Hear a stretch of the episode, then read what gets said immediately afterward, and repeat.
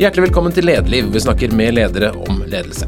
Dagens gjest er selveste Målfrid Bratt, som er konsernsjef i Manpower Group. Det er flott tittel, Målfrid. Konsernsjef. Takk skal du ha. Ja. Jeg, jeg, jeg er så heldig å få lov å lede Manpower-gruppen både i Norge, men også i Norden. Så jeg har ansvar for syv land, og inklusiv Baltikum. Så det, det er spennende jobb. Så gøy. Hvor mange mennesker er det totalt? Og det er veldig mange mennesker. Og bare i Norge så er vi jo Vi har jo over 6000 mennesker ute i jobb hver dag bare her i Norge. Men uh, i hele Norden så er det jo mange gangeren. Og Manpower er en stor internasjonal virksomhet med hovedkontor i USA. Det er det. Vi ble etablert i USA i 1948, og i Norge kom vi i 1965. Og vi er i 80 land rundt om i, i verden og er jo på topp 140 Fortune-listen, så vi er et stort amerikansk selskap, børsnotert der. Men er veldig lokale i måten vi driver butikken på, for det er litt av virksomheten vår. Og så leier du ut mennesker. Hva slags profesjoner? Å, det er stort sett alt. Vi både leier ut og rekrutterer mye. Eh, og det er klart at eh, det har vært en enorm utvikling. Hvis du ser tilbake til 1965, så har det jo vært en enorm utvikling i forhold til hva vi drev, på med den gangen og hva vi driver på i dag. Eh, det som vokser veldig mye, er jo konsulentvirksomheten vår innenfor IT. Eh, Vi jobber med ingeniering innenfor konsulentvirksomhet, så vi har ulike markedsområder. Altså Experi, som jobber mye med IT, vi har Jefferson Wells som jobber mye med ingeniører, finansspesialister og mye fast rekruttering. Og så har du Manpower, da, som er det selskapet som ble etablert aller først, som jo har vært litt av ryggraden i Norge. Eh, som er mye utleie, men også fastrekruttering til mer operative stillinger. Men, eh, men konsulentvirksomhet og, og, og IT-sektoren vokser jo voldsomt, og har gjort det de siste årene. Du har jo eh, du er økonom, revisor, har MBA og jobbet eh, ikke så veldig mange steder. Arthur Andersen, Storebrand og, Manpower er det viktigste. Men hvis vi går helt tilbake, når var det du i barndommen første gang eh, tok ledelsesansvar for noe? Ja, det Kanskje første litt så ordentlig store lederjobben jeg fikk, det var da jeg ble russeformann nede i Sarpsborg. Jeg er Ja. sarpejente. Ja. Eh, Så jeg ble russeformann der, og det syns jo jeg var gøy for, eh, for sarperussen. Eh, Rødrussformann der, det var, det var en spennende oppgave. Var det noe du liksom jobbet for å få Nei, til? nei, jeg har aldri jobba for å bli leder. Det har egentlig litt kommet av seg sjøl. Så nei, så det Men det var spennende, og det var litt gøy, for jeg hadde en mor som var, var lærer på skolen, og jeg husker liksom når jeg skulle bli innkalt til rektor, og det var noe som noen av gutta hadde gjort litt som ikke rektor likte, så ville jeg jo aldri sladre på noen, så jeg måtte liksom bare passe på at jeg lata som at jeg ikke visste alt det som eh, eventuelt gikk som ikke var akkurat som du skulle. Så, så jeg, det var en sånn fin knivsegg å være Hva lærte russeformann. du av å være russeformann? Nei, kanskje mest det å Nei, jeg syns bare det var morsomt. Og det å få med seg folk og, og sette noen sånne Mm. altså, det er jo egentlig akkurat som ledelse generelt. Og det å få folka med seg og sette liksom noen struktur på hva vi skulle gjøre, og få, ha det gøy. Men ble det da en ambisjon for deg at eh, du tenkte at du skulle lede noe videre? Nei, det har jeg egentlig aldri hatt eh, noe sånn Jeg har vært glad i å ta ansvar, så jeg har nok sånn naturlig likt det. Men, eh, men jeg sa veldig tidlig Jeg har alltid vært veldig glad i tall. Så jeg sa veldig Det var intervju med meg i lokalavisa da jeg gikk ut 9. klasse den gangen. Og så sa jeg at jeg skal bli statsautorisert revisor. For jeg hadde hørt at det hadde noe med tall å gjøre. Ja. Eh, og jeg, tok min siviløkonom, men jeg ble også statsautorisert revisor den gangen. Men eh, jeg, det var jo først når jeg kommer ut at jeg skjønte hva det var for noe. Men, eh, men det var liksom sånn klart mål at det var det jeg skulle jobbe med. Men er du et, et mest et tallmenneske eller et menneskemenneske, for å si det sånn? Jeg tror jeg er en kombinasjon, Ja. skal jeg være ærlig. Det, det er klart jeg jobbet, som du sa, mange år i Storebrand og satt i en konsernledelse som eneste dame i veldig mange år. Eh, Nå er det jo flere kvinner også i den næringen, men, eh, men den store overgangen jeg da kom inn til people business, var den kombinasjonen Jeg har alltid vært glad i mennesker. Eh, Og jeg tror ikke du får resultater uten at du har med deg menneskene. Så det, og, det gjør jo at eh, jeg er nok også veldig menneskeorientert. Men du koser deg når du ser et regnskap? Jeg liker å se tall, så men, men ikke sånn at jeg Men jeg er nok analytisk. Jeg liker altså Jeg tror alle trenger å forstå tall hvis du skal lede, for dette, til syvende og sist så må du vite at pluss og minus øh, øh, går At, det ikke, at det ikke blir negativt, men at det blir positivt. Hvilke tall er det du er mest opptatt av i bransjen? Er det noen sånne helt få nøkkeltall du følger med på i, i virksomheten din? Er det omsetningen eller bunnlinja eller antall mennesker, eller hvor, hva er du mest opptatt av? Eh, Jeg tror nok kanskje jeg er mest opptatt av at vi skal klare å få et positivt bunnlinjeresultat. Mm. Men det er klart også at eh, inntektene altså Blir du større, så, så får du også en større, eh, større fotavtrykk, og det gir deg nye muligheter. Så det er vel begge deler. Men, eh, men jeg er et ekstremt konkurransemenneske. Så jeg, jeg, liker jo aldri å tape en kontrakt, så derfor så blir det jo også inntektssiden viktig for meg. Så altså, det betyr at da skal bunnlinja være litt større hvert år også, da? Sånn er det å jobbe i et amerikansk selskap. Ja, ja, det blir sånn ok, kom igjen. Da får du en enda høyere mål neste år. Det er liksom belønningen for å nå et mål. Sånn er det. Sånn tror jeg det er i alle virksomheter. Og jeg tror hvis du slutter å vokse, så tror jeg egentlig du graver din egen eh, grav. Så jeg tror det er en veldig ond spiral å komme inn og si at du skal konsolidere og være fornøyd. Du må hele tiden se etter nye muligheter. Ja, må man det? Ja, jeg mener det. Fordi eh, jeg sier, utfordrer ofte organisasjonen og sier hva er next? Og jeg har alltid hatt en sånn ledelsesfilosofi at du skal alltid overlate en organisasjon i bedre stand enn den du kom inn til. Men kan ikke det vel liksom være du si, bedre kvalitet? Eh, det er selvfølgelig ja. en viktig del for å kunne vokse, for mm. du vokser ikke hvis ikke du har kvalitet. Men, eh, men, også det at du ser etter nye muligheter i den endringsverdenen som vi lever i nå. Så går ting så fort, så du må hele tiden utfordre det eksisterende. Mm.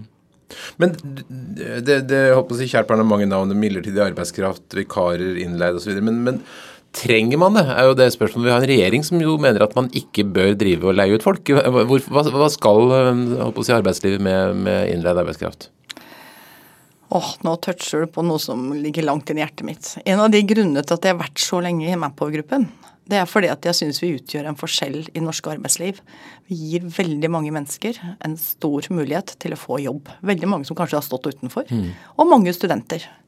40 eh, av de som vi Og nå snakker jeg om Manpower-virksomheten. Mm. Selvfølgelig ikke den delen som går på IT og mm. helt andre ting, for der, er det noe helt annet. Ja.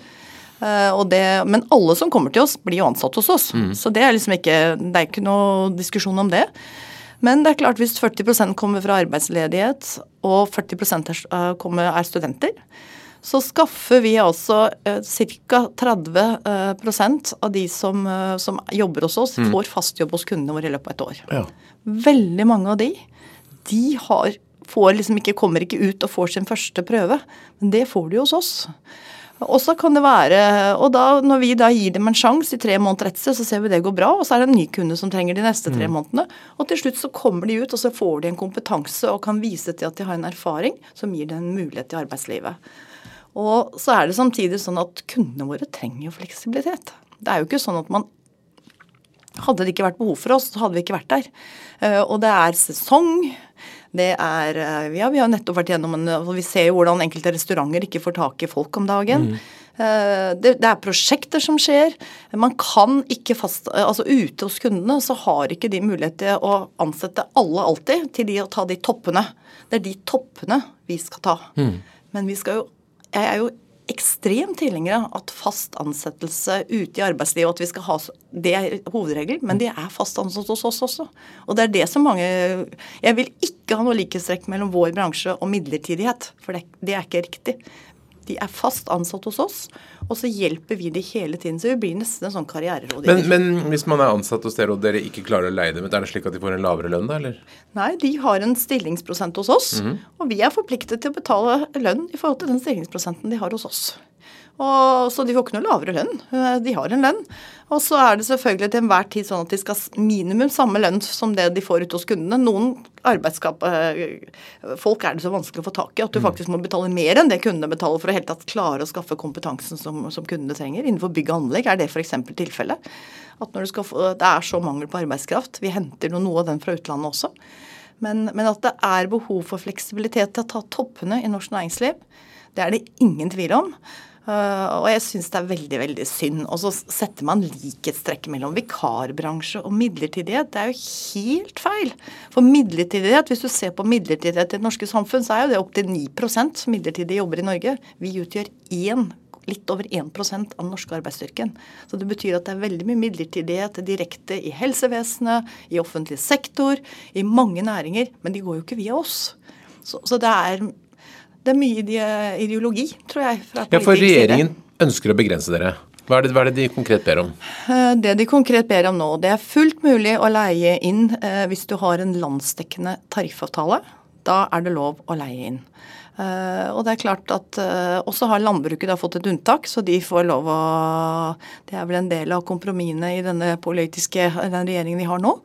Eh, men hvis du er en liten eh, bedrift, f.eks. Vår bedrift, er Apeland f.eks., vi ville ikke fått lov til å leie inn, er det sånn? Det er, eh, Hvis ikke du har en landsdekkende Nei, ikke. tariffavtale, ikke så, så skal du da i utgangspunktet Skal det være mye vanskeligere for deg å leie inn. Og det tror jeg veldig mange av de små bedriftene rundt om ute i distriktene, da, som, som jo lurer på har de råd til å ansette en til, og så kanskje leier de inn en liten prosent. Ja, da går virksomheten bra, så da kan vi ansette vedkommende fast. Og så tar de en ny en. Det er jo sånn mange jobber fordi at de er litt usikre om de tør. Eh, Og mange som også skal ta toppen av de små og mellomstore bedriftene som da ikke har landsdekkende tariffavtale. Og det at vi da skal begrense det fordi at, eh, at argumentet er fast ansettelse av hovedregelen i norsk næringsliv, det, det blir jo litt feil når du Den blir også ansatt hos oss. Så, så det, men det er eh, Jeg tror det er mer ideologi. Og så er det dette i forhold til og Vi er alle enige om at vi skal ha et organisert arbeidsliv. Så at folk skal organisere seg. Men det er Det kan ikke være organisasjonsplikt. Eh, Men det må være heller at vi jobber med både arbeidstaker- og arbeidsgiverorganisasjonene. Sånn at det, folk har lyst til å, eh, å melde seg inn i arbeidstakerorganisasjonene, og at du får arbeidsgivere som blir organisert. Så jeg sitter jo selv i hovedstyret til NHO og er jo for at vi skal ha et trepartssamarbeid. Men du kan ikke tvinge alle til å ha en landsdekkende tariffavtale. Men hvem er det som er motkreftene deres? Er det, hvor, hvem er det som vil, vil det til livs? Nei, jeg tror kanskje litt av bakgrunn, som eh, politikerne sier. De, de kommer med de eh, historier, du hører historier eh, fra enkelte som har vært ute på bygge, og spesielt fra byggenæringen kommer det. Det har vært mye innleie i, i Oslo-området, det er riktig. Eh, og da er det liksom spørsmål skal du beramme bemanningsselskapene, eller skal du da se, gå til, eh, til entreprenørselskapene og si at vet du hva, dere bør ha et tak på hvor mye dere skal leie inn, f.eks. 10-15% eller 20% eller hva de trenger. Eh, eller skal vi, skal vi ta bemanningsselskapene som utgjør 1,1% av norsk arbeidsstyrke. Nå blir det et forbud mot bygg og innleie på bygg og anlegg i hele østlandsområdet, ink- altså inklusiv fylker nedover på, i Vestfold og Østfold og rundt forbi, innenfor bygg. Eh, Og da er spørsmålet eh, hva skjer da? Eh, Da må du jo jobbe for å finne den kompetansen, for det fins ikke i Norge. Hadde vi hatt kompetanse, så hadde det jo ikke vært etterspørsel heller. Så de må ha hjelp til å finne den. Så, så det blir spennende å, å se. Men de som er motstandere av oss, er vel først og fremst argumentet at de mener at det er for mye innleie innenfor bygg, og så rammer de da en hel, eh, hel næring på tvers av bransjer i forhold til at du må ha landsdekkende tariffavtaler. Og Dette med bygg er jo ikke så enkelt, for det, det går jo opp og ned. I perioder Det går opp og ned, og så har man da, vil jo politikere, hvis du hadde hatt en som, som er tilhenger av dette her ved bordet og, og diskutert, sagt at ja, men de kan jo leie mellom uh, entreprenørselskaper, det er lov. Ja, det er lov, men det har de hatt lov til hele tiden. Så, så det er jo ikke sånn, det hender jo at man skal gi et anbud på et større byggeprosjekt, så, så er det jo en gang sånn at du, du vet jo ikke om du vinner eller taper, og det kan jo være to som da, de må jo vite at det er har muligheten til å kunne få tak i den kompetansen når de skal by på et anbud, og, det, og da er det kanskje topper for to entreprenører på samme tid, da. Og da, da får de en utfordring. Og da må de gå direkte til eh, å finne den arbeidskraften selv, og få ikke noen som kan fasilitere, og som kan det, og som hele tiden De er jo fast ansatt hos oss, disse som jobber ute hos kundene våre. Så istedenfor at de da, så hver gang du er ferdig med et oppdrag, så må du gå tilbake til å stå med lua i handa hos en, en ny eh, arbeidsgiver. Sånn er det. Det høres ut som dette er noe som du har brukt en del tid på de siste årene?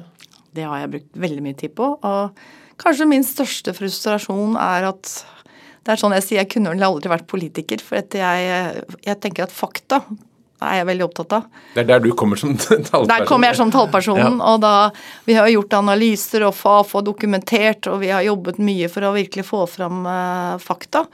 Og når da ikke fakta vinner frem, da blir jeg litt bekymra. Og så syns jeg det er synd, for vi snakker om at vi, har, vi har altså laveste arbeidsledigheten enn det vi kan huske. Så det er jo ikke det at det er så høy arbeidsledighet i Norge. Vi trenger jo alle som kan få flest mulig ut i jobb, og da mener jeg vi en, utgjør en stor forskjell. Og hvis du leser alle høringsuttalelsene som er nå lagt inn til dette lovforslaget, som jo skal behandles i Stortinget i høst, så er jo 85% vil jeg si, argumenterer mot dette. Så har du noen som da er for. Men dere hadde jo en um, internasjonal sjef på besøk som uttalte seg til DN før sommeren. og Der forsto jeg at denne situasjonen er ganske spesiell. Det er ikke, en trend, vi ser mye rundt i verden? Nei, altså det som kanskje du ser veldig mye rundt om i verden, er at denne gig-økonomien og fleksibiliteten i arbeidslivet, den bare vokser jo frem. Og ikke mot, men så går den motsatt vei i, i, Norge.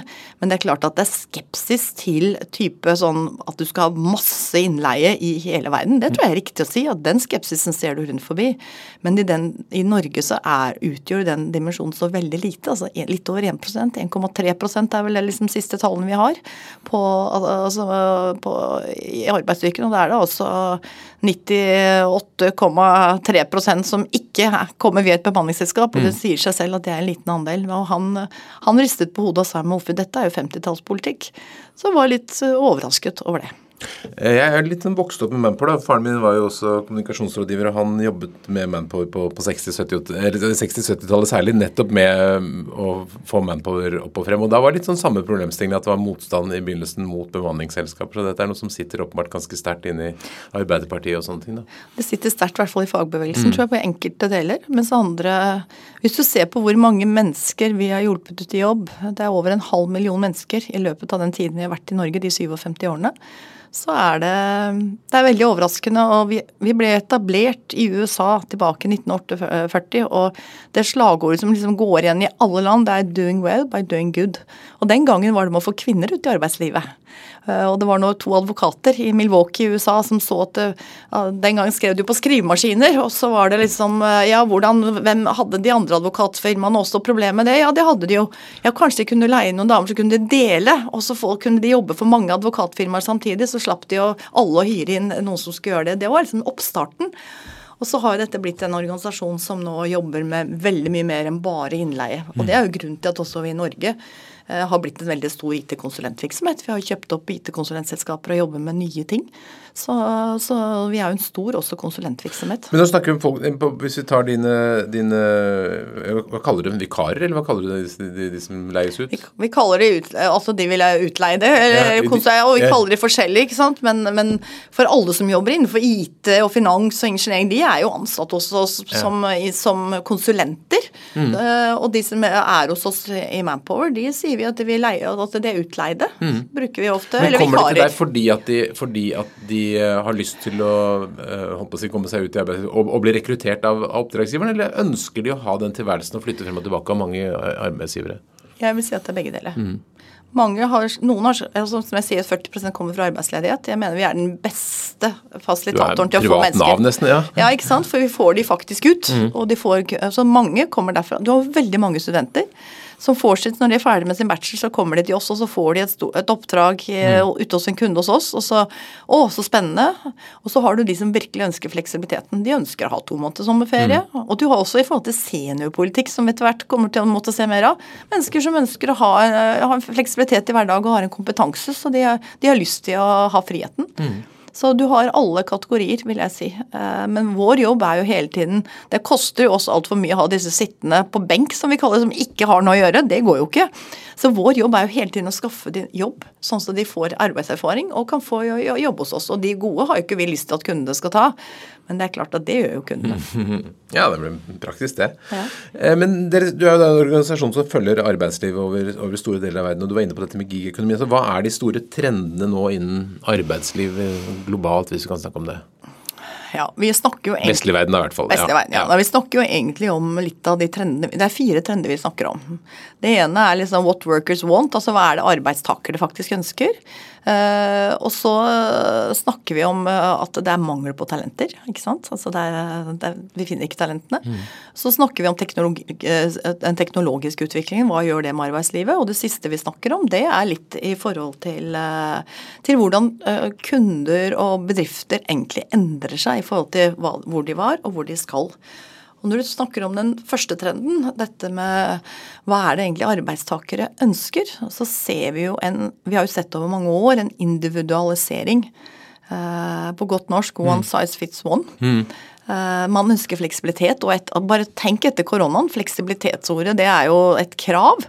Eh, men det, igjen så begynner jo bedri... altså er jo det at og de, Den yngre generasjonen ser jo for seg liksom tre år hos en arbeidsgiver og tre år hos en ny. Ikke sånn som jeg som har vært så lenge hos hver arbeidsgiver. Så de ser jo for seg at de hele tiden skal ut og høste erfaring. Det gjør at det kommer til å bli et helt annet arbeidsliv fordi at du får høye så, Og da hvordan skal du klare å holde på disse arbeidstakerne lengst mulig? Det er liksom en av trendene. Eh, og det, det, blir viktig, og du kan ikke Du kan liksom ikke bare øke, øke, lønn når det gjelder mangel på talenter heller. For det er jo den andre trenden at syv av ti norske arbeidsgivere sier at de finner ikke den kompetansen mm. de trenger. Og i globalt så er det faktisk tre av fire, 75 mm. Så, så det å, da, da, mangel på kompetanse, det tror jeg vi kommer til å se enda mer av, og vi ser det allerede. Vi har et gap mellom den kompetansen som er tilgjengelig, og den som etterspørres. Eh, og når det gjelder teknologi, så har jo teknologien gjort mye. ikke sant? Vi, vi kan jobbe hvor som helst, men også en del av jobbene med AI og annet, så jo en del av de, de manuelle jobbene har blitt borte. Og nye jobber har erstattet de. Men det gjør også at det kreves noe annet av arbeidstakerne. Det er liksom krav til kreativitet. Du må ha helt andre egenskaper også i arbeidslivet i dag enn det du har hatt tilbake, fordi rutinejobbene de er blitt borte. Mm. Og det siste er jo bedriftene da, som må tenke annerledes. Og du ser jo dette med bærekraft, hvordan du tenker, hvilket fotavtrykk du setter i samfunnet. Det blir viktigere og viktigere for bedriftene, for du mm. kan ikke være helt nonsjalant i det. Og Hvilke konsekvenser får alt dette for hvordan gode ledere må være, da? Hva, hva, hva, må man forandre seg som leder? Ja, Du sa at jeg startet min karriere i Arthur Andersen. Jeg ja. bruker ofte å le litt når jeg tenker tilbake. Når jeg liksom fikk ledertittel der, så hadde du liksom noen striper på skuldra. Du sa hopp, så følte du at alle hoppa for du hadde ja. en autoritet. Fikk større kontor, kanskje. Ja. Ingen uh, I dag så får du ikke en autoritet med å ha en tittel leder. Du må gjøre deg fortjent til det. Mm. Du må tenke helt annerledes. Uh, det stilles helt andre krav. Du må forstå. Men ikke minst, du må, du må virkelig se enkeltindividet. Og jeg vil tenke på at eh, skal du lede deg, så må du ledes på en måte. En annen vil ledes på en annen måte. Mm. Så du, det kreves noe helt annet av ledelse i dag enn hva det gjorde tilbake. Mm. I den endringsverdenen vi lever i. For vi lever jo. Altså, endring er jo har jo vært vår eh, hverdag i mange år, og det, det bare kommer til å akselerere. Men så nevnte du det med fleksibilitet og, og teknologi og sånn. Vi har jo snakket med folk både i lederliv og ellers som, som, sliter med å få folk tilbake på kontoret etter hjemmekontorperioden. Hva tenker du om det? Kan folk jobbe hvor de vil, eller? Jeg sier jo det at jeg, jeg liker ikke begrepet hybrid. Jeg liker bedre ordet fleksibilitet. Mm. For jeg tror, og det handler, henger også sammen med tillit. For eh, jeg tror ikke du som arbeidsgiver i dag ikke kan ha fleksibilitet for de ansatte, for da tror jeg ikke du får verken tiltrekker eller beholder de beste ansatte. Men så er det en og Før så var det jo sånn at uh, man kanskje hadde forskjellig mellom generasjoner. Hvem ville være hjemme, hvem ville ikke være hjemme. Men det er jo også faktisk en ganske god voksen del av organisasjonen som har lyst til å være hjemme nå på hjemmekontor, hjemmekontoret og mm. syns det etter covid er ganske behagelig. Men utfordringen er jo det å bygge kultur da, i en, en, virksomhet. Og hvordan skal du klare å bygge kultur hvis så mange hele tiden sitter på hjemmekontor? Og hvordan skal du også få kompetanseoverføring mellom de nyansatte og de som er erfarne, hvis ikke du er sammen? Mye av rapportering, oppfølging og sånn, det kan du gjøre på, på Teams. Mm. Men, eh, men, jeg tror fortsatt på at det å bygge kultur, det gjør du på plassen. Så da er det jo liksom å finne muligheter. Da. Hvordan skal du få folk har lyst til å komme? Dette begrepet FOMO, altså fair of missing out, mm, altså, som er blitt så populært. men hva gjør du? Altså, jeg ser bare også selv. Vi har hatt frokoster for å liksom få at folk skal samles. Vi har hatt kaffebar der om morgenen. altså Gjort litt sånne småting for, mm. at, eh, for å tiltrekke. Men samtidig så må Jeg tror du må, er nødt for å, å ha fleksibilitet. Og så må du som leder ha tillit til de ansatte. Eh, og det, hvis ikke du har den tillitskulturen, så kommer du eh, ikke til å klare å beholde tror jeg, de gode eh, arbeidstakerne dine. Hvis hjemmesiden er riktig, så har du ca. 500 ansatte på 23 kontorer. Stemmer det i Oslo eller i Norge? Ja. De som bare jobber, men så har jeg jo mange flere ja, ja, konsulenter og alt. Ja, men de som ikke er utleid, men som liksom jobber i, med, med, å leie ut eller med å drive Manpower. Hva er reglene der? Får de lov å jobbe hjemme hvis de vil? De har full fleksibilitet. Mm. Men det er klart at jeg også syns det er viktig å delegere de helt ned til det nederste avdelingsnivå. At de også finner hva som passer for sin avdeling. For det er veldig ulike behov. Mm.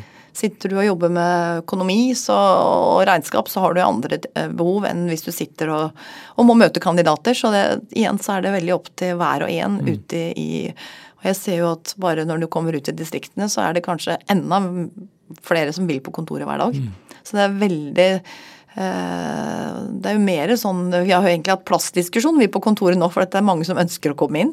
Så det er, og jeg trodde kanskje det skulle vært motsatt. Mm. Men er dette et tema også når du da eh, leier ut folk, om, om, man får lov å, om de får lov å jobbe hjemme eller ikke? Eller er det en, en del av avtaleforholdet med kunden? Ja, og kunden må, her er det kunden som må få bestemme ja. hva som er regelen hos de. Men, eh, men, du vet, det er jo bare sånn i forhold til sykefravær, så er det jo mange når du er forkjøla, så, så kan du jo jobbe. Mm. Eh, men det er mange som er kritiske til at du får komme på kontoret, så den fleksibiliteten med hjemmekontor også for de, det, mm. det er viktig. Mm. Men jeg tror, det, jeg tror nesten alle norske arbeidsgivere har fleksibilitet. Ja, altså, i ulik grad. Jeg tror mange, mange, mange, baler litt med det, hvordan man skal løse det. Om det skal være faste innedager og faste utedager eller ja, og så videre, så videre. Men det blir spennende. Det former seg vel i årene som kommer, jeg tror. Det former seg, og vi har prøvd å liksom si at det må være opp til hver igjen. Men jeg ser at veldig mange har sånn tre dager i uken så er de på kontor og to dager hjemme, kanskje. Det er veldig mange som, som mm. Vi nevnte at, eh, Du nevnte at det er knapphet på arbeidskraft og lav arbeidsløshet. Men vi har jo samtidig en svær gjeng som ikke jobber. Eh, masse folk som står utenfor arbeidslivet. Er det noe som dere kan bidra i? Ja, og det mm, Absolutt. Uh, og vi har jo prøvd å samarbeide mye med Nav. altså hvis Du bør ikke gå lenger enn til Sverige. Tilsvarende Nav, det er arbeidsformidlingen i Sverige, de velger ut hvilke selskaper som holder standard som de kan samarbeide med. Og så er man med på de som det er enklere å få ut i jobb. For du har noen som er virkelig langtidsfraværende, som er mye mer komplisert. Og så konsentrerer arbeidsformidlingen i Sverige seg om de mer kompliserte. Eh, og så tar bemanningsbransjen mer av, det, av de som er enklere å få ut, for å hjelpe de og insentivere de ut. Mm. Og vi har f.eks. nå en spennende prosjekt gående på i forhold til Vi har jobbet mye med Academy innenfor IT. Og nå har vi sammen med Nav et prosjekt innenfor IT hvor vi skal Eh, jobbe for å, å, se om vi kan ta, plukke ut noen eh, kandidater mm. som kan få en relevant IT-utdanning sammen med samarbeidspartnere, og, og, få de ut i jobb på den måten. Så vi, vi, jobber hele tiden med prosjekter sammen med Nav, og vant nettopp eh, spennende prosjekt nå sammen med Nav. Bra. For det er jo synd når vi har mangel på arbeidskraft og, og mange og, som sitter hjemme. Vi, kan, ikke, vi, har ikke råd til det, for Nei. vi mangler folk. Mm. Dere er også engasjert i ungt entreprenørskap. Er det en... Det brenner jeg mye for. Ja, jeg, er, hvorfor det? jeg er styreleder i Ungt Entreprenørskap, ja. og, og, hvorfor jeg brenner for det? Vi brenner for det både i Norge og også globalt. Uh, vår toppsjef uh, som var her nå, han leder også styret i Junior Achievement globalt. Mm. Uh, og det er fordi at jeg tror det er kunnskap jeg, jeg, sier ofte når jeg er på Ungt Entreprenørskap at Eh, eh, innovatører trengs overalt. Det gjelder ikke sånn at du bare det å starte sin egen bedrift, men skal du fornye offentlig sektor, skal du prøve, så trengs den kompetansen. Det å være innovativ, det å tenke nytt og annerledes, mm. det trengs overalt. Så den muligheten som mange av disse unge får helt fra de starter på skolen i ulike programmer, og helt til de starter, altså eventuelt eh, bedrift på, på, videregående og har i, i studentbedrift, det gir de en mulighet til å skjønne hvordan ting fungerer. Og så ser du også at veldig mange av de som kanskje syns det teoretiske er litt kjedelig, de får da plutselig forståelse hvorfor du skal kunne litt om tall når de skal lage forretningsplan, hvorfor de må lære seg å selge. Altså de og de må kommunisere, de må lære å skrive norsk, for de skal lage en kommunikasjonsplan. Så det er veldig morsomt når jeg er på noen av disse store mesterskapene, norgesmesterskap og sånn, og møter foreldre som sier å, takket være ungt entreprenørskap så har min, har min sønn eller datter syntes skolen har blitt mye morsommere. Så du lærer de entreprenørene ferdigheter samtidig som de, det er en flott mulighet til å bygge bro mellom skole og arbeidsliv og en forståelse for hva som faktisk skjer der ute. Så det er veldig morsomt. Og de unge, altså det å få de unge liksom inn i å bli litt altså kombinere skole og praksis, det mm. tror jeg veldig på. Jeg har vært i jury på noen sånne, det er alltid veldig moro. Det er fryktelig gøy. og det, du må liksom, For å bli frelst så må du først opp og se på, på disse mesterskapene. Hva tenker du kanskje bortsett fra den ene konflikten vi har snakket om med regjeringen, er, hva er vanskelig i jobben din? Hva grubler du mest på? Nei, faktisk så syns jeg det som er mest krevende da, det er hvordan du skal tiltrekke deg nok. Jeg ser spesielt innenfor den delen vi driver på IT nå. Eh, hvordan skal du klare å tiltrekke deg nok eh, fagekspertise? Hvordan skal mm. du differensiere deg som arbeidsgiver for å klare å tiltrekke deg de? Eh, og vi, vi har onboardet jo mange nå, nyutdannede nå i, i den måneden her. og og den mangelen på kompetanse vi har, det grubler jeg ganske mye på i mm. forhold til hvordan vi skal klare å, å få det. Så det er klart at eh, Den politiske situasjonen den bekymrer meg, men eh, det er ikke så mye jeg kan gjøre med det, annet enn å prøve å påvirke. Tror du gjør hva du kan, kanskje? Ja, ja ikke sant. Og gjøre hva du, hva du kan på det. Og så er det det å hele tiden eh, se trender og sikre at du, at du, at du er der ute og følger med på det som skjer. Så mm. det, Men, men det er klart at jeg jeg, jeg, tror den også, Sånn rent sånn samfunnsengasjementet mitt i forhold til det gapet som jeg er redd for at du skal få de, the house and the not house, altså de som har kompetanse og de som ikke har kompetanse. Det brenner jeg veldig mye for, mm. for det er en god del mennesker i dag som, som, som, som, faller litt utenfor fordi at en del av jobbene blir borte. Og hvis ikke vi evner da å omskoleres av dette med kompetanseutvikling, og at vi har livslang læring, det er også noe jeg er veldig engasjert i. Mm. Du har jo nok å fylle dagene med. Da. Du har jo ansvaret for eh, den regionen, du har Norge, du har eh, en, eh, sitter i NHO, flere styrer. Du er både på en måte utenriksminister og ansiktet utad for Manpower, og så skal du sikkert gjøre noe for, for medarbeiderne. Hvordan, hvordan, fordeler du tiden din? Hvordan prioriterer du? Nei, uh det er et godt spørsmål, og jeg fikk en sånn balansegang mellom Vi har liksom litt fokus inne på når, er man, hva, når er du leader, og når er du manager. Altså, for det er litt forskjellige måter på når du skal lede. Og jeg tror Jeg prøver i hvert fall å, å være bevisst på at jeg må se Altså, jeg må være til stede og se folk. Så når jeg er på kontoret, så går jeg stort sett en runde på huset hver mm. eneste dag. Mm. Eh, for det tror jeg er viktig å se menneskene. Eh, og så har jeg selvfølgelig en viktig rolle også å, være, å engasjere meg i det som skjer i samfunnet, for det er en viktig del av, jobben min. Men jeg prøver å balansere etter beste evne, og det, jeg er heldig, for jeg har Jeg, jeg, jeg, jeg, har, føler jeg har mye energi, og når jeg holder på med noe som er gøy, så, mm -hmm. så nei. Så det, men det er jo alltid en balansegang. Jobber du ekstremt mye? Det spørs hvem du spør. Eh, men det er klart at eh, jeg er glad i jobben min, og da blir det at du jobber kanskje Det er ikke noe åtte til fire-jobb. Men det har vel ingen ledere? Nei, det er et interessant spørsmål. For det var, det var en, sak i, i lokalavisa i vår i Bærum, Asker Bærum om rektorene og at de jobbet mye og sånn. Og det tenker jeg, det, ja, det skulle jo bare mangle. Det er jo man er jo leder, da må man jobbe mye. Ja, men du, Det som er så flott i dag, er at du kan jo jobbe hvor som helst, når som helst. Det, jeg blir ikke stressa om jeg leser mail om morgenen i ferien og ser på kvelden. Altså, jeg syns det er en enorm mulighet. Da, til at du kan, og det er sånn jeg opp igjennom jeg var også. Jeg er jo veldig opptatt av å få kvinner fram i norsk næringsliv.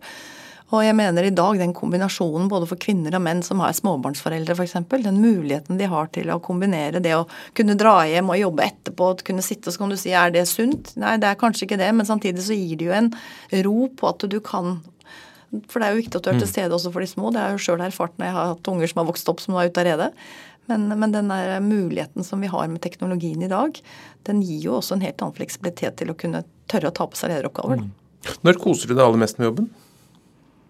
Ja, Det er et godt spørsmål. Eh, når jeg koser meg Vet du hva, jeg, jeg elsker å, å, å, å liksom stå, være sammen der det skjer, når det liksom virkelig koker på kontoret. Mm. Og, og, jeg ser at folk er engasjert, og det går bra, og vi, da, da, er jeg liksom i mitt, i mitt ess. Har pandemien ført til noen endringer for dere? Ble Manpower noe annerledes nå enn for et par år siden? Vi er nok blitt som alle andre, tror jeg, enda bedre på på teknologi og hvordan mm. vi driver. Og, og, vi, og, vi, ser jo også at hverdagen er blitt annerledes i form av intervjuer. Mm. Altså Vi gjorde jo masse videointervjuer før også. Men, men, kanskje nå så ser vi at eh, det fungerer veldig bra. Uh, og, gjøre mer, så du slipper å reise inn for alt. Liksom, men du må alltid ha en personlig touch mm. når du skal ansette folk ute hos kundene våre og hos oss selv. Men du kan kanskje, vi har kanskje endret prosessene våre enda mer. Selv om vi gjorde mye før, så har det blitt enda enklere. Og du møter ikke kandidater som ikke er familiære lenger med Teams. Det er liksom, det er sånn som mm. alle kan det nå. Tenker du at du må møte en person fysisk for å ansette vedkommende? Ikke nødvendigvis. Det kommer an på jobben. Mm. Er det et kort engasjement, så tenker jeg du må ikke det. Men skal du inn i en lederposisjon, så, så, så tror jeg kombinasjonen av, av altså hard skills eller altså fagkompetanse kombinert med de soft skillsene dine. Mm. Og du må gjøre noen eh, Du må også ha fokus på, på assessment og hvordan du er som person. Og det tror jeg det er noen av de tilbakemeldingene som du får mm. der. de tror jeg på at eh, face to face noen mm. ganger er bedre. Men, Men som, som bortsett, bortsett, fra det, at man må kunne et eller annet, hva, hva, slags egenskaper er det folk vil ha? Altså, hva er det kundene deres sier at vi må ha en medarbeider som er sånn og sånn? Altså, fremme i skoa er et uttrykk for tiden, men altså, hva, hva er det folk ber om? Det er veldig forskjellig, mm. avhengig av om du skal uh, ut og være en teknisk ingeniør, eller om du skal være IT-spesialist, eller om du da skal sitte og ta imot på et callsenter f.eks. Mm. Eh, kundetelefoner. Men jeg tror det som gjennomgående gjelder alle, det er at det, uansett hvor gode eh, fagkompetanse du har, så må du ha kommunikative evner, og du må kunne fungere sosialt og også ha litt sånn kritisk tenkning.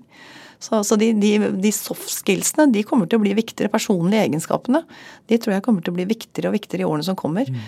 Og så kan du alltid lære deg faget, men jeg tror dine personlige egenskaper kommer til å bety mer og mer, og det ser vi også at det vektlegges mer på når vi rekrutterer. Mm. Hva er det du selv ser hvis du skal ansette folk som skal jobbe nærmest deg? Hva slags egenskaper er det du legger vekt på? Nei, altså Vi har en sånn veldig tydelig ledermodell i forhold til hva er det liksom lederen hos oss skal fokusere på. Vi kaller det lead, og det er jo på engelsk. da, ikke sant? Det går på learnability. Det at du skal være eh, læringsvillig og nysgjerrig hvis du skal være leder. Eh, du skal være adaptability, altså at du skal kunne tilegne det, være til, altså, Tilpasningsdyktig. Tilpasningsdyktig, ikke sant. Uh, det er viktig. Du skal ha endurance, altså lead, så jeg skulle sagt endurance først. Men det er liksom det at du skal kunne stå i det. Mm. Du skal være utholdende. Mm. Og så kanskje noe av det aller viktigste, det er driven. Den motivasjon. Og da mener jeg indre motivasjon. At du virkelig har den indre motivasjonen og driven. Den tror jeg er viktig for alle. Hvilken av de egenskapene skorter du mest på? Hva er det du savner mest hos folk? Eller som er vanskeligst å finne? Nei, men jeg tror eh, Ja, hva skal jeg si? Eh, noen kanskje sliter med driven, andre sliter med den der endurance av virkelig stå i den når mm. blåser. Og du, som leder skal du aldri være du kan ikke, Det er ikke noe sånn popularitetskonkurranse. Du må noen ganger stå gjennom ganske tøffe tak. og Det er kanskje den endurance som er det å virkelig, virkelig stå i det. Mm. Det kan til tider mange er krevende. Mm. Da skal du være ganske sterk. Har du hatt noen opplevelser i, som leder som du tenker særlig har formet ditt lederskap? Jeg tror kanskje en av de tingene som jeg refererer til veldig ofte, og som jeg, som jeg prøver å egentlig ta videre til de jeg har rundt meg i dag også, det er eh, Jeg husker det var en av lederne når jeg jobbet i Arthur Andersen som sa til meg det, Målfrid, at eh, Husk på å på, ta på deg en skjorte som er litt for stor, for da har du noe å vokse inn i. og det har jeg kanskje prøvd å spesielt si til, til, damer, som mange ganger er kanskje litt altså ikke det at Kanskje menn føler det samme, men de sier det ikke på samme måte. Som ikke tør å ta ansvar eller ta en jobb fordi at de føler at det er en for stor jobb for at de klarer det ikke. Mm. Da har jeg sagt at den skjorta skal være stor, og så kan du vokse inn i den. Og det var kanskje det beste rådet jeg fikk, eh, fikk en gang. Og så hadde vi et annet leveord i, i Atter som også det jeg tenker mye på. Det er think uh, straight, talk straight. Mm. Så det å virkelig eh, tenke gjennom hva du sier. Og det er en grunn til at du har to ører og én munn. Mm. Du sitter jo i en sånn posisjon hvor du da du har mange mennesker under deg, så har du noen over deg da som amerikaner som du skal forklare. Er det, er det vanskelig å forklare altså, verden hvordan Norge er? Er vi et annerledes land? Nei, jeg sitter i en europaledelse. Mm. Uh, og det er, stor, det er, litt forskjell mellom Nord- og Sør-Europa, vil jeg si. Det er I forhold til kultur. Men europeisk kultur er jo annerledes enn amerikansk uh, kultur. Nå er vi så heldige at han som er vår toppsjef, som har bodd i USA og utenfor Sverige i alle år, han er svensk. Ja. Og han snakker jo jeg vet, seks-syv språk, men han, eh, han, forstår jo den europeiske kulturen fordi at han er europeer selv, så det hjelper oss jo.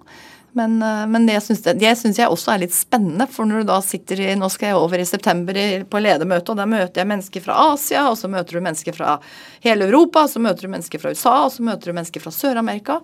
Og det er utrolig spennende og lærerikt òg. Mm. For vi, vi, er ulike, og da igjen så må vi, må vi tilpasse oss og forstå. Eh, og, det, og, vi nordmenn må jo også forstå ulike kulturer. Så når noen agerer på én måte, så må vi forstå hvorfor de agerer sånn. Så vi må ikke bare si at alt vi har i, i, her i Norden er så bra. Vi må også forstå hvorfor andre tenker annerledes. Mm. Men føler du at du sitter i en skvis mellom liksom, de store sjefene som skal ha mer og mer profitt, og disse det, vet du hva, det å være leder tror jeg du er skvis uansett om du ja. sitter i en, uh, mellom et styre i Norge og, en, en, og, og, og, Så har du alltid noen som er over deg, stort sett. Hvis ikke man eier virksomheten selv og er sin egen sjef. Men, uh, men, det er en fin balansegang, og kanskje min viktigste jobb det er når du får Det er å skjerme organisasjonen for noe av det som kommer fra fra globalt innimellom. Da så må mm. jeg være en buffer. Det, så det er en egen kompetanse det å jobbe i en global organisasjon. Mm. Du snakket om å ha en stor skjorte. Føler du selv at du har vokst mye som leder i den tiden du har hatt, vært toppleder? Veldig. Og du lærer. Og jeg, jeg, har alltid hatt en sånn filosofi at jeg skal se på lederen min, og så skal jeg se hva er det de gjør bra, hva er det de gjør dårlig, og så skal jeg prøve å ikke gjøre det jeg ikke er fornøyd med, og så skal jeg mm. prøve å gjøre mer av det som jeg er fornøyd med. Og, og det er klart at du forandrer jo ganske mye gjennom en lederkarriere. Og jeg er nok tryggere i rollen min i dag enn jeg var for 15 år siden. Det er noen ganger jeg har tenkt på hvordan ville jeg agert i dag hvis, hvis, jeg hadde hatt den erfaringen jeg har i dag. Så det, mm. det, er alltid Så du lærer hele tiden. Og hvis du slutter å lære, da er du ferdig. Mm. Så jeg, jeg er nysgjerrig, og jeg prøver hele tiden å tenke hva kan jeg lære nytt? Hva kan du nå som du skulle ønsket du kunne da? Kanskje litt mer trygghet på tørre å si fra. Altså, jeg har alltid turt å si fra, men kanskje vært enda mer uh, tørre å si fra i noen settinger hvor du er i, i virkelig mindretall. Mm. Men er det noe andre veien? Noe man mister på veien ved at man blir tryggere? Blir man litt mer satt med årene? Ja, Det er jo alltid en risiko. Så det er jo derfor du må bli utfordra av den yngre generasjonen og mm. prøve å, å, spare litt med de yngre i organisasjonen og ha den type, få den type innspill. Mm. Denne kampen som du uh, fører mot myndighetene, tror du at uh, du uh, kommer til å vinne etter hvert? Tror du at vi får se en oppmyking og at det blir mulig å drive den virksomheten du driver? Virksomheten vår komme til å kunne drive absolutt, for dette veldig mye av virksomheten vil fortsette. Fordi at hele konsulentvirksomheten vil fortsette. Vi har Altså det er jo alle som har landsdekkende tariffavtale, vil fortsette. Så, så mye. Så, så, sånn sett så er jo vi som en, den største aktøren i Norge så er jo vi i en egen posisjon. Det er jo verre for de som er bitte små og avhengig av bare én nisje i mm. forhold til å leie. Så de vil få det mye verre. For det er jo mange mennesker som jobber i vår bransje. Men som en stor aktør så må vi tenke nytt og tilpasse oss det som kommer. Jeg syns bare det er sånn ut fra hjertet så syns jeg det er synd at man angriper uh, uten å, ut fra ideologi, og ikke ut fra hva som faktisk fungerer. Og heller man argumenterer med at det er noen som bryter reglene. Ja, men sånn hvis du kjører fort på en vei, og en kjører for fort, så er det ikke sånn at alle vi skal slutte å kjøre bil. Da må vi heller ta de som kjører for fort. Og sånn syns jeg også det må være med vår. Hvis vi har konkurrenter som ikke følger regelverket, ja, så må man ta de. Jeg vil jo ikke at de skal være her, de heller. Så, så jeg syns det er eh, Jeg syns rett og slett eh, ikke noe om akkurat det. Og, og at ingen lytter til oss, det, jeg, det frustrerer meg. Det skjønner jeg godt. Helt til slutt, eh, hvis det kommer en ung person til deg som vil bli leder, hvilke tre råd vil du gi for å bli en god leder? Hva skal jeg si? For det første så tror jeg akkurat det der som jeg sa med læringsvillighet og det å være åpen og nysgjerrig, det tror jeg er det tror jeg er alfa og omega for å, for å lykkes. Og så må du bygge en struktur. Altså lære, lære, seg til å bygge struktur. Altså det å evne å sette tydelige mål. Noen få enkle mål til organisasjonen, og så lage en struktur. Hvordan skal du nå de, og kommunisere de. Og så er det det å bygge, altså tenke på at tillit er kanskje nøkkelord i ledelse. Du må ha tillit til du har rundt deg, og, og få flinke folk rundt deg, og delegere, og tørre å delegere.